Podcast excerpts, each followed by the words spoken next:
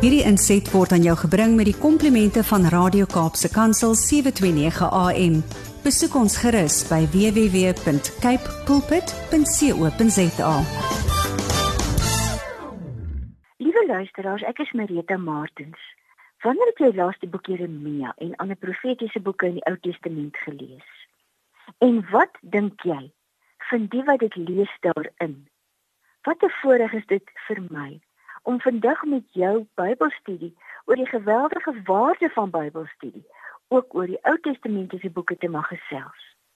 Want dit wat ons vandag met mekaar bespreek, dit is iets wat 'n mens met verwondering en met begeerte kan vervul om meer van God in die profeseë te weet te kom. Mag vandag se Bybelstudie of bespreking en 'n paar insigte jou verras in jou gedagtes om 'n lank vol. Want so beleef duisende gelowiges dit in die 21ste eeu.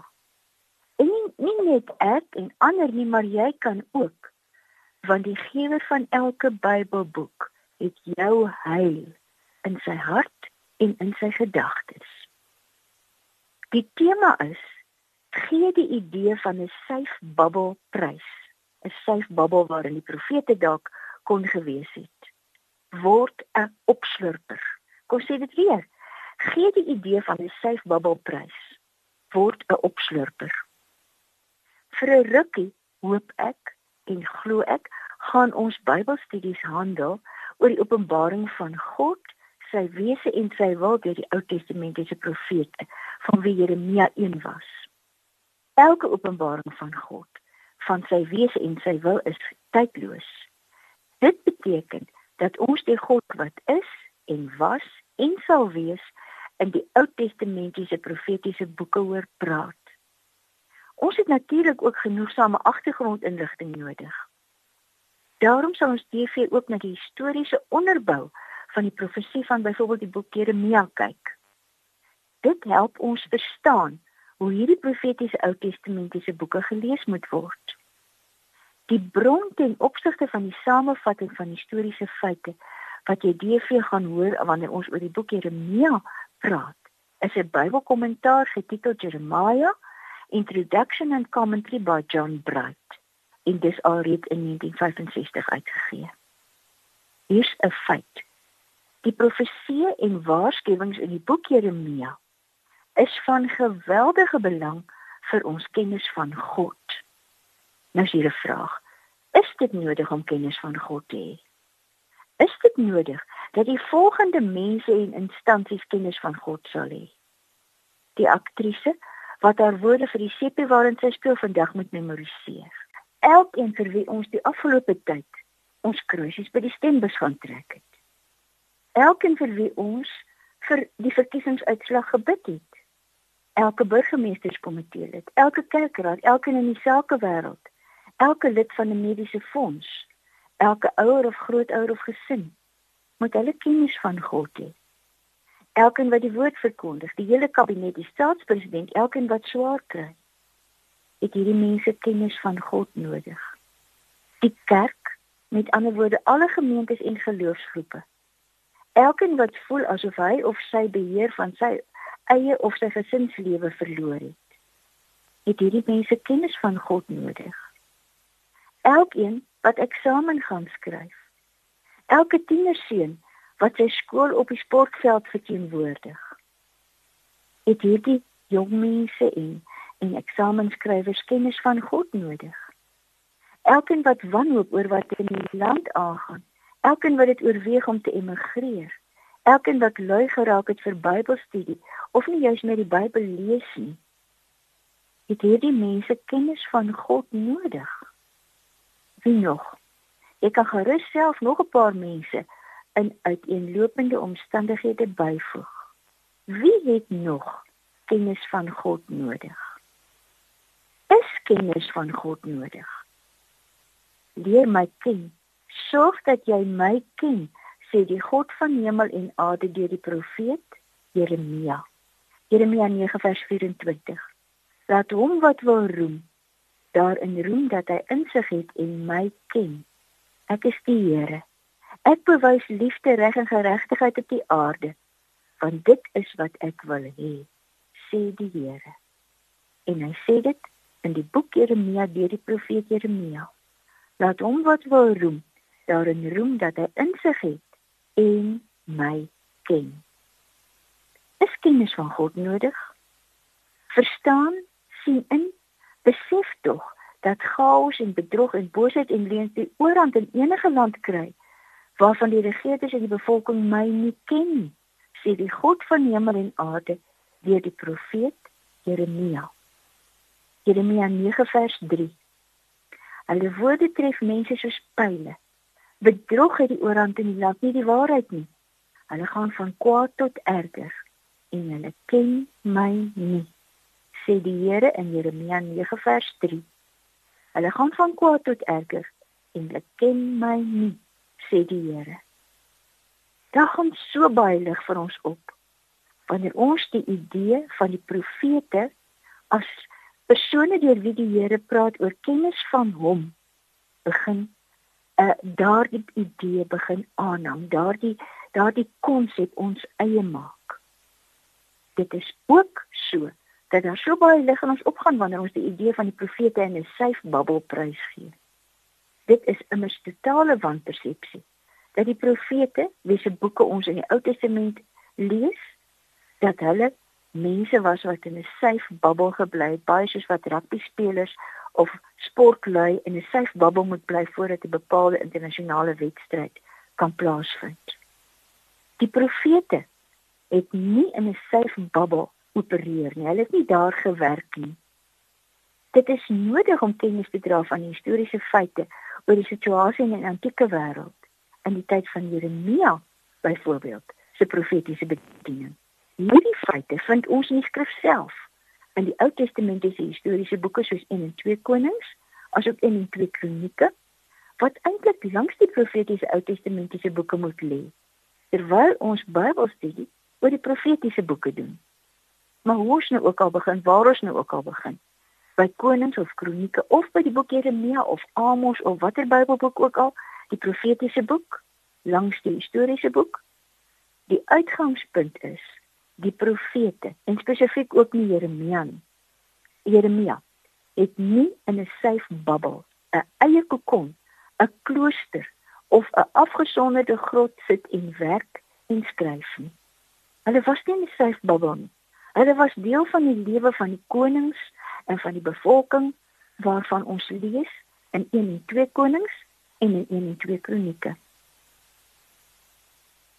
Eh, die boodskappe van God wat hy deur die profeet Jeremia gegee het, was aan die bevolking en die konings in 'n bepaalde eer. Sê in die dese konings en hy moes daardie boodskappe aan hulle bring in gehoorsaamheid aan die stem en die opdrag van God. Hy het nie filosofiese dinge sit en skryf nie. Hy het nie sy eie gedagtes sit en neerpen nie. God het gesê, "Gaan sê hierdie woorde vir die konings en vir die mense van wie ons lees in 1 en 2 Konings en 1 en 2 Kronieke." Nou kan jy vra, wat is die interaksie tussen die profeet aan die een kant, die Jesus en die bevolking in die 6de eeu voor Christus met ons as gelowiges van die 21ste eeu te doen. En jy vra dit dalk steeds. Hulle het in die 6ste eeu voor Christus geleef. Ons is in die 21ste eeu. Dis 27 eeu. Ag eh, dit is 21 eeue en 6 600 jaar later. Hierdie hierdie is mos 'n baie baie lang tydperk. Raak die interaksie tussen die profeet, die Jesus en die bevolking in die 6ste eeu voor Christus ons lewe nie dalk net so min soos die feit dat daar in die jaar 1111 na Christus in die middeleeue 'n prins met die naam Lalibela in Ethiopië geleef het dat hy 'n spesifieke boodskap van God in 'n krisistydperk in sy eie lewe gehoor het en toe gedoen het wat God vir hom gesê het. Lalibela in die jaar 1111 in die middeleeue moes ondergrondse kerke gaan bou die Here vir hom gesê en dit is gedoen. Maar ons geloofslewe is nie rondom hierdie wonderlike dinge in Ethiopië gebou nie. Ons kennis van God word nie daardeur verdiep en verbreed dat ons gehoor het van die ondergrondse kerke wat Lalibela die prins Lalibela gebou het nie.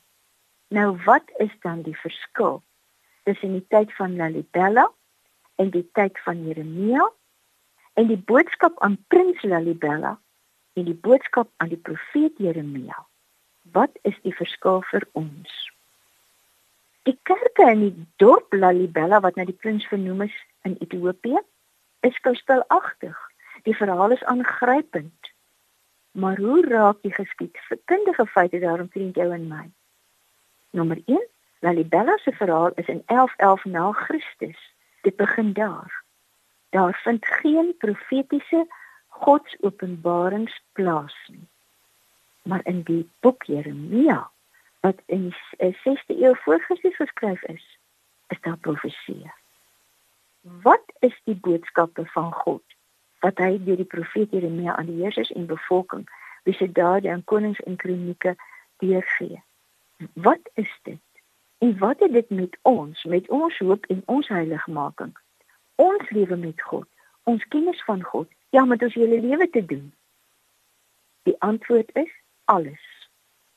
Soos elke ander boek in die skrif, handel die profetiese boek Jeremia oor die wese van God.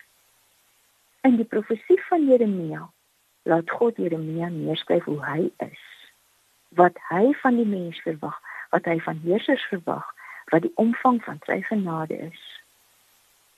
Om sommer 'n hedendaagse term te gebruik. Aan elkeen wat God wil leer ken. 66 onwysigbare, onredigeerbare boeke deur God self uitgegee. En elkeen wat die God van hemel en aarde regtig wil leer ken, slurp elke stukkie inligting aangaande sy wese en wil op daardie kennis aangaande hom is ook in die boek Jeremia te vind. Dus gee eerstens as jy 'n profetiese boek lees, die idee van 'n safe bubble prys. Daai profeet van die Ou Testament het nie 'n safe bubble gewerk en geskryf nie. Hy was deel van die van die ma maatskaplike lewe, die politieke lewe, die godsdienstige lewe van daardie tyd. Hy het die koningsdae geken. Hy het geweet wat die bevolking alles aanval. Hy het tussen hulle geleef. Sy huis was tussen hulle en daar het God met hom gepraat oor die mense van sy tyd en die regerders. Die profeet het nie in sy babbels geleef nie. Elke Ou Testamentiese profeet het tussen sy mense en regerders geleef en God se openbaringe aangaande homself en die gevolge van hulle keuses aan hulle oorgedra. God het homself aan die mense van daai tyd openbaar en het vir die mense gesê die gevolge van julle keuses sal dit en dit wees. Daar's twee dinge wat is om wat die mens kies en hoe God is. Hy het bepaalde keuses gemaak. Dis die historiese feite. Maar die feit dat God homself openbaar is nie 'n historiese feit nie. Dit is die ewige feit. Tweedens, as jy die Ou Testamentiese boeke lees en die Ou Testamentiese profeseë, word 'n opslurper. Slurp elke stukkie inligting aangaande God, elke Godsopenbaring in elke Bybelboek op. Daar's geen belangrike skrifwoord aangaande wysheid en 'n wyse lewe en sowel 'n godvrugtige lewe op aarde as ons ewige bestemming as die volgende nie. Job 28 vers 28 En hy God het vir die mens gesê om die Here te dien, dit is wysheid. Om die kwaad te vermy, dit is insig. Job 12 vers 13. By God is wysheid en krag. By hom is raad en insig. Johannes 17 vers 3. En dit is die ewige lewe dat hulle U ken, die enigste ware God en Jesus Christus wat deur U gestuur is. Jesus Christus het mens geword sodat ons in hom kon sien hoe die Vader is. Leer my ken, sê Jesus. Dan sal die allerbelangrikste ding in julle lewe met julle gebeur. Julle sal die Vader ken. Johannes 14 vers 7. As julle my ken, sal julle my Vader ook ken. En van nou af ken julle hom en sien julle hom. Hebreërs 8 vers 11. Dan En nou sit ons in hakies na die sluiting van die nuwe verbond waarin die mens met God versoen word deur Jesus Christus alleen, sluit die hakies. Hoef niemand meer vir sy medeburger te leer en vir sy broer te sê jy moet die Here ken. Hulle almal, klein en groot, in hakies wat Jesus leer ken, hom liefhet en hom glo, om met lewe haar doen, sal my ken. En hier is die gebed. Here, as mense van die 21ste eeu, stel ons onsself oop vir die openbaring van U self in die Ou Testamentiese profete. U openbaar U self in die Ou Testamentiese profetiese boeke. O help ons om U beter en beter te leer ken, want dit is die lewe vir ons. Wat U vir Paulus sê, sê U vir ons in Handelinge 22 vers 14. Die God van ons voorvaders het jou uitgekies om sy wil te ken, die regverdige te sien en sy stem te hoor. Want jy sal vir alle mense sy getuie wees van wat jy gesien en ge gehoor het. Here, maak al die profetiese boeke van die Ou Testament en spesifiek nou in die nabye toekoms die profesie van Jeremia 'n godsopenbaring vir ons om u naam ontwil. Amen. Hierdie inset was aan jou gebring met die komplimente van Radio Kaapse Kansel 729 AM. Besoek ons gerus by www.cape pulpit.co.za.